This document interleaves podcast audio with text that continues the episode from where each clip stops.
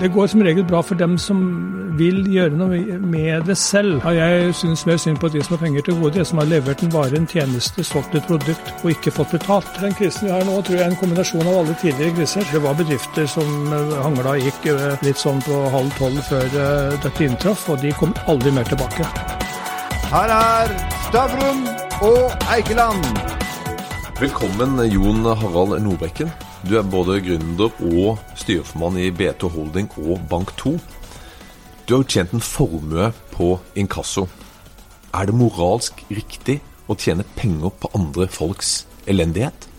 Ja, Det er ikke, det, det er ikke slik at eh, altså inkassobransjen er helt nødvendig for at uh, de som har en, utført en tjeneste, solgt noe og ikke får betalt, at de har et verktøy for å kunne få, få betalt for det man har levert. Eh, og Der er jo inkassobransjen tvingende nødvendig, eh, og den er stor. Og eh, den har vokst voldsomt de siste ti årene, og det har ikke noe med, med, med dårlig evne til å betale, men rett og slett at folk gir F i å betale. Og antall inkassosaker på ti år har steget med fra fem millioner krav til over 10 millioner på, på ti år. Eh, og det vil man jo si at vi at det er altså eh, ca. fem inkassokrav per husstand i Norge. Eh, og det er, det er ekstremt mye. Det er ekstremt mye. Og, og hvis ikke bransjen, inkassobransjen, vi må ta, forsvare den litt der, da, eh, hadde eksistert, så har det nok ikke vært solgt varer og tjenester på kreditt sånn som vi ser i dag. Hva er grunnen til at, uh, at vi allikevel i dagligtalen syns mer synd på de som ikke gjør opp for seg, enn for de som har penger til gode? Ja, jeg syns mer synd på de som har penger til gode, de som har levert en vare, en tjeneste, solgt et produkt og ikke fått betalt. Og det, det, burde være mer fokus nettopp i den gruppen. som uh, Det er mange konkurser og mange som har gått på ryggen pga. Uh, misligholdet fra de som har fått, ut, fått levert varer og tjenester. og og som ikke har betalt. Og Det, det er en klassiker, dette der, at uh, mange konkurser relaterer seg faktisk til at man tilliten til enkelte som man har hatt et godt forhold til over lang tid, eller har vært et godt og langt kundeforhold, at det er der man ofte går på ryggen med at man, tilliten blir for stor uh, mot uh, kreditor. Men i, disse, men i disse koronatider, så nå er det vel mange litt mer uskyldige i gåseøynene som havner i den inkassoskvisen, er det ikke det? Det skulle ikke være. Eh, for det er ikke her i Norge iallfall. Eh, her er jo alle beskytta. Eh, alle får jo, om ikke fullt betalt, så iallfall ikke så langt unna. Så, så det Jeg kan ikke se at det skulle noe Selvfølgelig noe ville ha å si.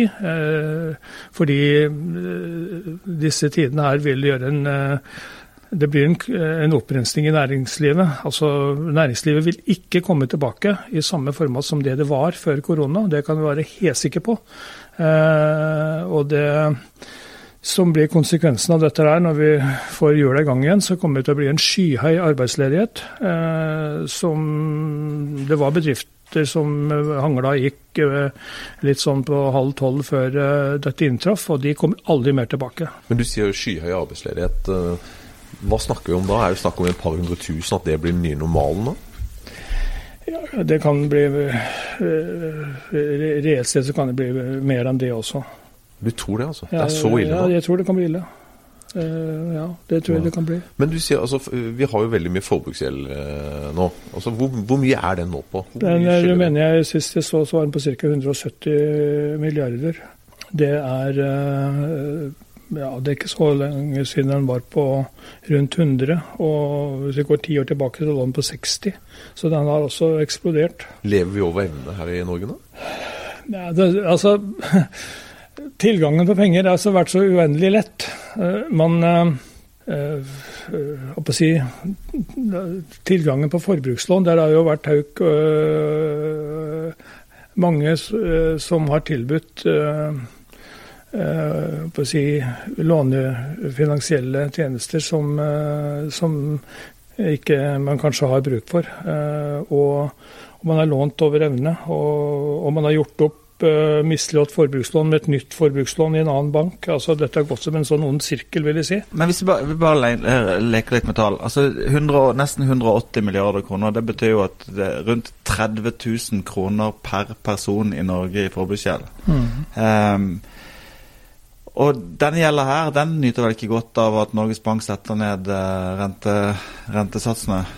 Nei, jeg tror ikke det har så stor betydning om renten blir eh, redusert fra 18 til 16,5 eh, Jeg tror ikke det slår inn så veldig effektivt. så, så Men Setter de ned renta i det hele tatt, disse forbruksbankene? Altså ja, men det, blir, du vet at det, det, helt, altså, det, det betyr ikke så mye, fordi det, altså Forbrukslånsrenta er jo veldig, veldig, høy. Den, jo, den, kan jo variere mellom 10 og 30 et sted. Altså, er, altså Slingringsmonnet der er ganske stort.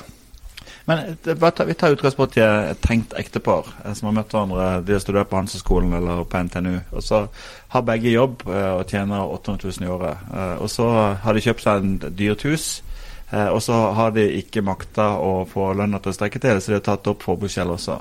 Ja. Eh, og så er begge permitterte, og så banker du på døra til Nordbrekken. Hva sier du da? Nei, altså vi har, Det vi ser i Bank 2, da, det er at de som eh, kommer og må rydde opp rundt seg, har veldig mange kreditorer. Og veldig mange har for stor gjeld i forhold til bæreevnen. Det er jo et håndverk som skjer hos oss i Bank 2. Det blir på en måte en økonomisk klinikk, for å si det, bruke det språket. Man stiller en diagnose, og så foreskriver man behandling. og I den behandlingen kan det være også at man må ut og tilby kreditorene en dividende. Altså at man må ettergi gjeld til, til de som får refinansiert seg. F.eks. Eh, det mest kjente caser som jeg har vært borti. og Det var jo Jon Arne Riise for eh, ti år siden. og Det var jo litt av det samme der også. Vi fikk jo ettergitt seks millioner der også i gjeldsrenter og omkostninger som er påfalt. og det påløp, men ja, og det, det, er mange av den typen der at du må, du må, du må, man, må man må gjøre en grundig, god analyse ut ifra forutsetningene vedkommende har. Dette, eh, slike situasjoner oppstår veldig ofte i forbindelse med samlivsbrudd og skilsmisser. Man skal etablere seg på nytt igjen i livet med, i et nytt forhold eller ny bolig osv. som gjør at eh, og før, eh, Mens dette skjedde, så har kredittkortene fått lov til å løpe litt løpsk. Og så må man uh, ta ITU og rydde opp etter seg, og det, det er veldig normalt. Mange av de som kommer til oss, har vært gjennom et samlivsbrudd eller en skilsmisse. Hva skjer da? Bare beskriv en sånn typisk sak. Hva, hva skjer? Nei, det er, eh, det er som jeg sa i sted, at, eh, at eh, man har etablert seg med mange, mange Det er mange som man skylder penger, altså både banker og også andre leverandører.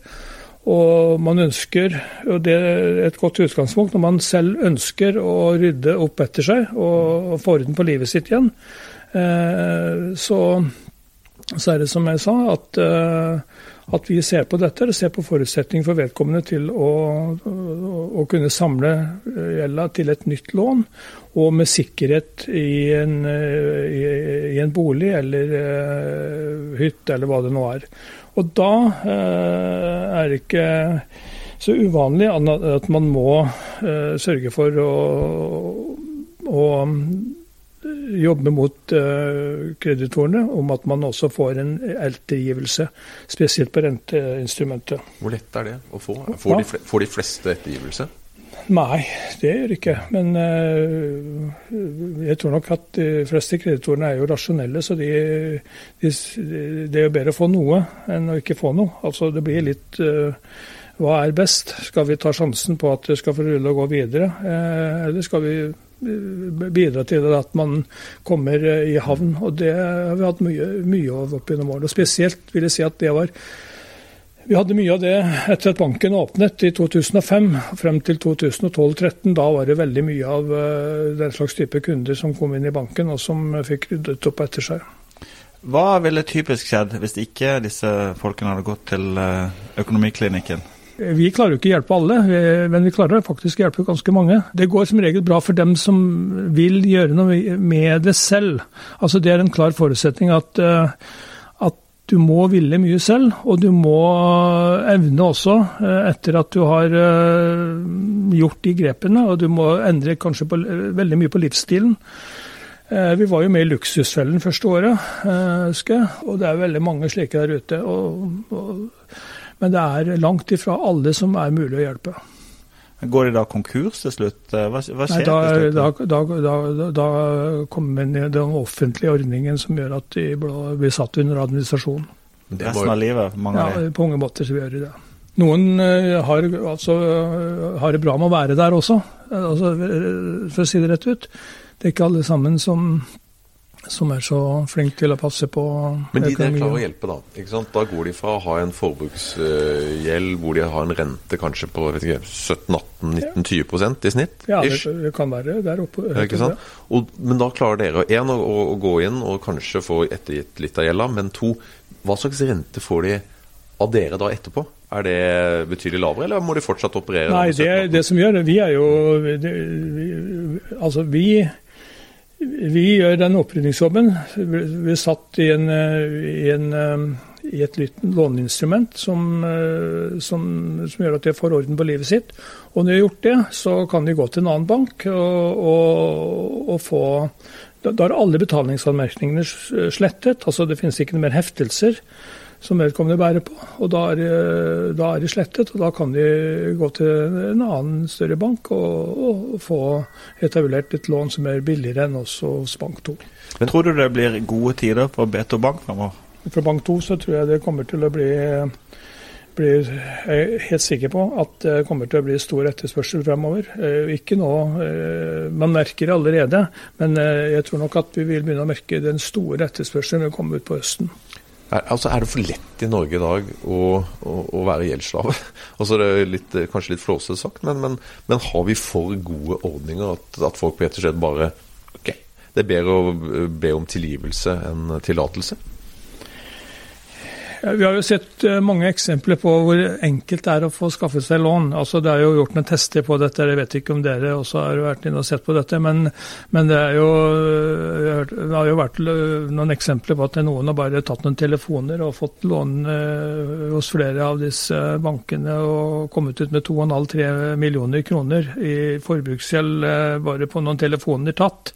Så, så tilgangen har vært for enkel, og det har vært litt sånn at når du, had, når du, ringer, så hadde du kanskje tenkt å låne 100 000, men du havner ut med 400 000 fordi du, øh, man har blitt litt motivert for at man kan ta litt mer. Og det kommer til å bli store tap eh, i banker, eh, tror jeg, der man har gitt kreditter usikret. Men Bank Norwegian klarte seg jo bedre enn flyselskapet. Og Hvis vi bare regner stort på det, hvis vi har 180 milliarder i forbruksgjeld og på lett regning, da. La oss, si at, la oss si at det var snittrente på 20 da, så er, det, så er, det, jo 36 milliarder kroner i året i renter. Eh, mens eh, pengemaksrenten ligger jo på en brøkdel. Eh, så jo, de tåler jo også ganske store tap og vil fortsatt være veldig lønnsomme. Ja da, det gjør det. Og det er, helt, eh, det er hevet over enhver tvil.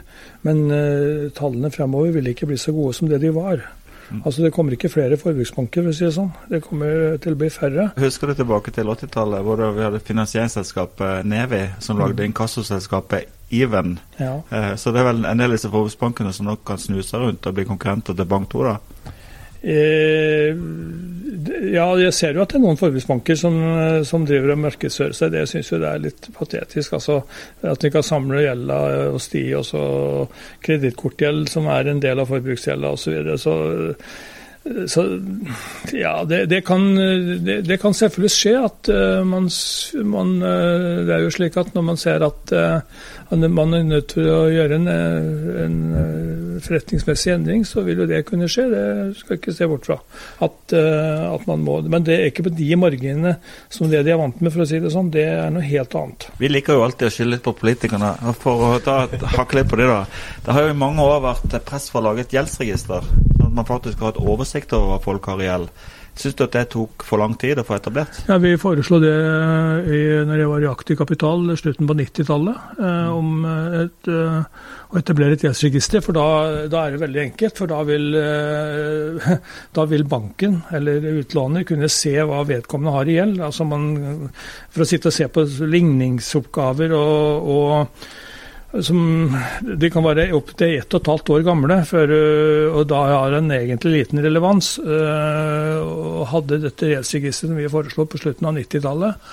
Og vi husker også i Byråforeningen som jeg satt i den gangen, så var bransjen veldig opptatt av at det ville vært bra med et gjeldsregister. Men dette har bare løpt og gått og fått lov til å det, jeg, er ikke, jeg, er ikke, helt sikker, men jeg mener Per Kristian Foss den gangen som eh, det var noen diskusjoner eh, Det begynner å bli så lenge siden, men eh, Høyre mener jeg ikke har vært noe spesielt Hadde velvillig for å, etablere, for gjeldsregister. Nå syns jeg du er slem, for folk sier jo at politikerne tar lang tid. Men her fikk de jo dette på plass allerede i løpet av 20 år. ja, men, da, men det, det, tok for lang tid. Og vi har, vi, har jo, vi, har, vi, har jo, vi har, jo, lagt opp dette mange ganger, for da har det vært mye enklere. For da, da, da mener jeg at man, den som gir et lån, gir det med full viten og vilje hvordan, hvordan uh, lånetagers stand og stilling er. Har den somlinga kommet til å medføre ganske mange personlige økonomiske tragedier? Ja, det er hevet over enhver tvil. Hadde dette gjeldsregisteret vært på plass for lenge siden, så tror jeg jeg er ganske overbevist om at, at det har vært en annen uh, situasjon nå. Og det omhandler all gjeld. Det kan ikke bare være forbruksgjeld som, som man uh, diskuterte. Og det må omhandle all gjeld. Det kan jo være folk som har bare en, et, en, ja, en liten forbruksgjeld og ikke har noe boliggjeld eller en annen gjeld. Så, så da har jo ikke den relevans syns jeg. Altså, du er jo på den uh, Kapitals 400-lista. Du har jo eh, som sagt tjent penger på, på folks elendighet. Uh, men, men iallfall hjelper de ut av elendigheten. men, men uh, kan ikke du fortelle litt altså, om, om hva du har gjort? For du har gjort veldig mye spennende. Du har jobbet og altså, Du har jo tjent penger for Jon Fredriksen og Øystein Stray Spetalen. Gjorde en kule på, på deg? Ja, jeg, altså jeg har vært i, i, bransjen i veldig mange år. Jeg var administrerende for Intium Justitia i Norge i slutten av 80-tallet. Var der i fire år. Fantastisk eh, spennende tid. Og så, og så hoppet jeg av og startet Aktiv Kapital i 91. Det var altså, da var det ganske mørkt ute i landet. Da var det stor arbeidsledighet og boligpriser som du nesten fikk kasta boliger etter deg hvis du ville ta over en altså det, var, det var helt uvirkelig. Eh, og så begynte tidene å bli litt bedre utover 90-tallet. Og vi var vel den første aktøren som begynte å kjøpte og restrukturerte og inndrev misligholdt gjeld i aktiv kapital. Eh, gjorde vi våre første kjøp i 95, eh, og Fredriksen kom inn i selskapet i 96. Mange vil ikke helt skjønne hva det betyr å kjøpe gjeld. Hva, hva gjør man da? Nei, det, det, er jo Man kjøper jo stort sett av banker. Det er banker som har uh, har uh, misligholdt uh, store mislighold som de ikke klarer å få noe orden på selv. Kan, banker kan ikke ettergi gjeld.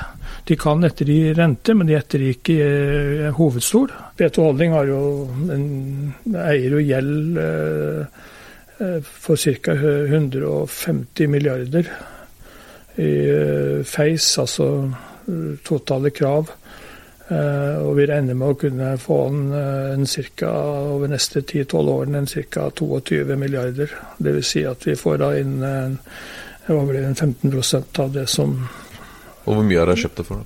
da? Ja, det er noe lavere. Uh, det håper jeg. Det er, det er noe lavere. kanskje noen ganger fra, Jeg tror kanskje at vi har kjøpt litt for høyt, vi også. Noen ganger. Men, men altså det, det er det er, eh, og Dette er en running business, og vi kan vel si det etter den 10-12-årsperioden er over, så vil jo fortsatt dette ha en aktualisering. Så, men er, eh, vi, vi bruker å, ta den ned til sånn, sånn 10-15 år. Vi har snakket mye nå om um, private som sliter. Ja. Men eh, i disse koronatider så er det jo også veldig mange selvstendig næringsdrivende, mindre selskaper, også selvfølgelig større, men, men mindre selskaper som, som, som sliter veldig. Eh, disse ordningene som eh, regjeringen og politikerne har, har, kommet med Favner de godt nok? Nei, jeg, Det gjør jo ikke det, vet du. Hvis ikke jeg tar feil, er mulig jeg gjør, gjør det. Men jeg mener at Dan Danmark kjørte en annen modell. De ga tilskudd til bedriftene for at uh, virksomheten skulle være intakt. Uh, her har man også satt folk uh, ut i, i, i, i, permitteringer og Nav. Spørsmålet er om, om, om, en kombinasjon av begge deler. At man kunne, kunne vært litt mer lindrende og, mindre smertefullt når dette begynner å normalisere seg igjen. At man har klart å, å holdt uh, driftene i, uh, hjulene i gang i bedriftene med at tilskuddene har gått direkte til bedriften, og lønningene har gått til, uh, fra driften til de ansatte. Og så at man har gått den veien der. Jeg, etter min smak så, så, så, så Jeg liker det Danmark gjør bedre enn det vi gjør her. Men nå har jo vi en, eh, kanskje en eh, eh, Vi har jo en uendelig kasse å ta av. Så, det har sikkert vurdert det, men jeg, jeg likte danskemodellen med BG. Altså I praksis, hvis du skal betale de ansatte den første måneden full lønn, i hvert fall inntil 6G, så er det bedre at bedriften får pengene og betaler lønn, enn at vi dytter de ut på, på Nav som permitterte. Ja, for det blir for tilfeldig. For da har man, altså, man altså opprettholdt bedriften. altså i fall øh, Mange har sikkert ville ha dukket under dette, men, men man, har, man, har, organisert det gjennom næringslivet. Øh, tilskuddsordningene som gjorde at næringslivet igjen hadde kunnet betalt øh, de ansatte lønn over lønnsseddelen og, og den etablerte strukturen. Men er det ikke slik sånn at uh, disse ordningene de, de, fleste norske bedrifter da, de går jo pluss-minus null. Så ett år så har de litt overskudd, og neste år har de litt underskudd, og neste år litt overskudd. da. Altså Det er sånn touch and go, uh, veldig mange. Og det er klart, hadde du underskudd i 2019 og hvis det er restaurant, da, så har du som regel også underskudd i januar-februar, for det er jo de dårligste uh, månedene, kan du si, i, i året. Da kommer du ikke inn under eller de får iallfall veldig lite av disse ordningene, bl.a. likviditetsordningene, er de helt utafor. Ja. Altså, er den, for, er den for stram? Altså rett og slett For å unngå misbruk og sånt, og så har de lagt seg for en altfor streng linje? Jeg vet, jeg, jeg kan ikke, jeg, dette, er ikke dette er ikke en ekspert på, men jeg, jeg, ville, jeg, ville vurdert, vurdert, eh, gjort det sånn som man gjør i Danmark, for det har vært mm. mye enklere. Ja. Uh, det er klart at dette det, Alle kommer nå opp, og alle små idrettslag til uh, profesjonelle fotballklubber til uh, det, det, altså, Dette her er uh, dette er meget krevende øvelse for de offentlige. Jeg, jeg syns at de offentlige har gjort en svært god jobb med, med mye av det de har gjort nå. Men jeg skulle kanskje likt og sett at de kanskje gjorde det mot næringslivet på en litt annen måte enn det de gjør. Du, nå gir du et stikkord på en, en, svak gruppe som det snakkes altfor lite om, nemlig de permitterte profesjonelle fotballspillerne. Underbetalte. Du har vært tidligere aktiv i, i Vålerenga. Uh, hva, hva, tenker du om norsk fotball? Altså Her har vi på én side TV-rettigheter til 400 millioner, og ikke TV-kamper foreløpig. Det er forbud mot å ha arrangementer med 500 tilskuere fram til 1.9. Eh, sponsorinntekter som må være trøblete, og til dels eh, investorer som ikke heller har så mye penger. Eh, det ser litt mørkt ut for norsk fotball? Ja, det, det, blir, en, det blir, nok en, et change også i, i, toppfotballen. Den profesjonelle delen blir nok eh, Evnen til å kunne lønne, engasjere fotballspillere blir, eh, blir, nok betydelig redusert, vil jeg tro. Eh, for de bedrifter som skal sponse, har ikke de samme musklene som tidligere. Det er slutt på den tiden hvor det er snille onkler som eh, vil eh, Eh, på å si, subsidiere i så sterk grad eh, profesjonelle fotballklubber. Eh, så nå blir det nok eh, tilbake til det som det bør være, og det er at man kan leve og drive på sine egne forutsetninger. Det tror jeg nok blir realiteten av dette. Tror du vi får konkurser blant norske eliteklubber? Ja, nå er jo De fleste klubbene, eh, med noen unntak, så er jo de organisert i AS-former. Men det er klart at det som er faren, eh, Ref. Vålerenga, som jeg var formann i mange år, eh, og, en del andre også, så har man gjort seg helt avhengig av et utenforsystem, dvs. Si en investor eller en investor eller flere, gjennom et AS som på en måte gir tilskudd til driften av klubben. Og, det tilskuddet er større enn inntektene eh, av driften og, virksomheten. Og når de pengene ikke kommer lenger, så har man altså etablert en kostnadsside som man ikke er i stand til å bære. Og da kommer vi også inn på det sånn som når jeg gikk inn i Vålerenga i 95, at man må rydde opp i gjeld og gjøre en sånn en økonomisk øvelse for å kunne få virksomheten til å å overleve. Og Lyn gikk jo konkurs. Vålerenga var nær ved konkurs i 95. Eh, og Det ville ha vært åttende eller niende divisjon den gangen, hvis vi hadde gjort det. Og det, det kommer til å bli Jeg tror at klubbene vil eh, nå, nå, Folk som nå skal gå og bli tillitsmenn inn i klubbene, blir mer realister enn optimister for å, at det kommer til å bli mer opprydding av den type karakter enn som vi var gjennom i 95 i Vålerenga. Jeg tror at de som er gjort seg totalt avhengig av uh, utenforsystemer, de har store utfordringer. og Der er jeg redd for at Vålerenga befinner seg også. Er du klar for å trå til igjen, eller? Ja, for, uh, jeg har vært gjennom dette en gang før. Jeg vet ja. hvor krevende og, og og hvor mye tid dette tar. og og, og, det er en oppgave som jeg ikke er veldig, veldig lystbetont en gang til. Det høres ut som realityserien 'Luksusfellen fotballkjendis 2'.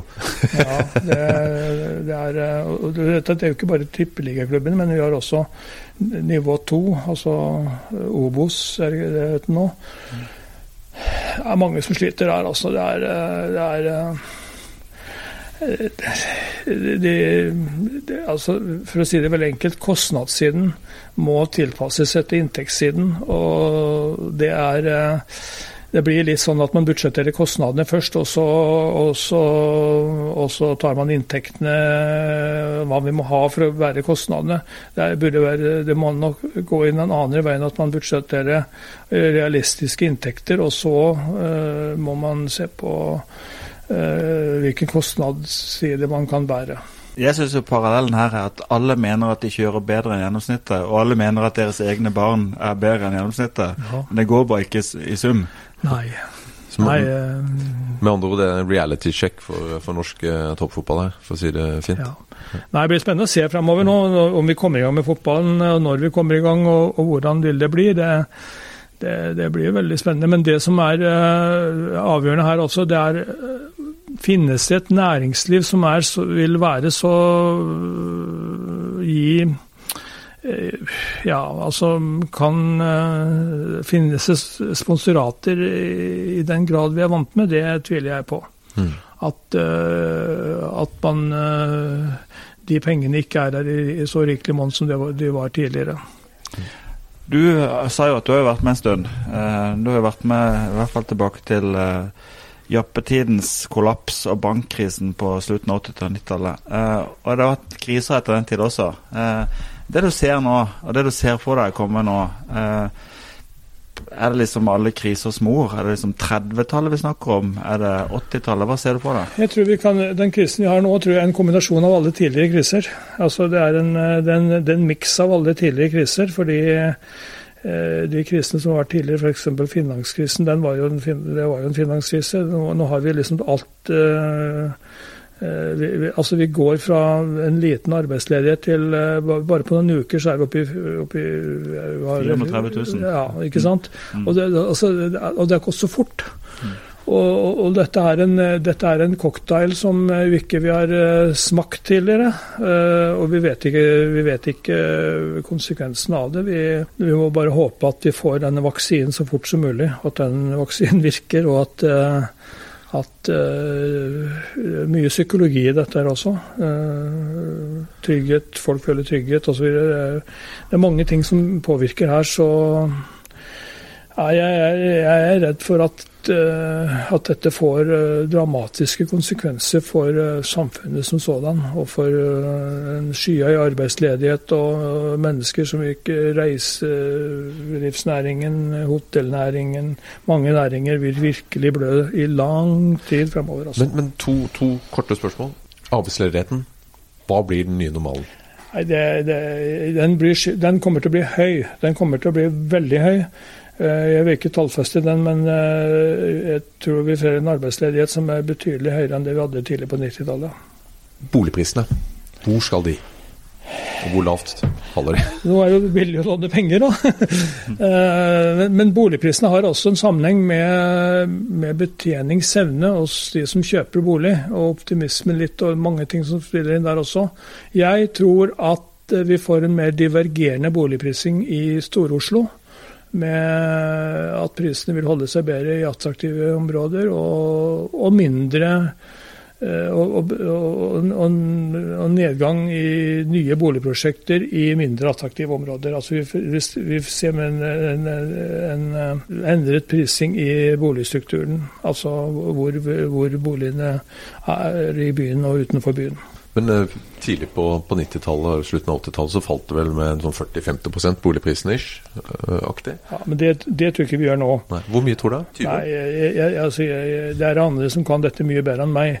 Men jeg tror at boligprisene kommer til å falle. Uh, og det kommer til å falle mer i enkelte områder enn andre områder. Og falle mindre f.eks. på Frogner og, i, og der som som for, for, det er, en, er mer attraktivt område. Mm. Så for å oppsummere, det blir steintøft i mange år framover. Så det blir gode tider for å drive med gjeldsstrukturering og inkasso. Det blir, eh, det blir, mye å gjøre for Bank 2. Eh, og, og eh, det blir en Det blir mange som må ha hjelp med å få ryddet litt opp etter seg. Og der uh, har uh, vår bank, Bank2, uh, 15 års erfaring. var den første banken som etablerte seg eh, med som dette som eneste forretningskonseptet. Og så har det kommet til noen litt senere, men jeg ser for meg at vi kommer til å få mye å gjøre fremover. Og det vil slå ut for fullt når vi kommer over sommeren. Snart kommer jo Vålerenga bank på døra di. Nei, det tror jeg ikke.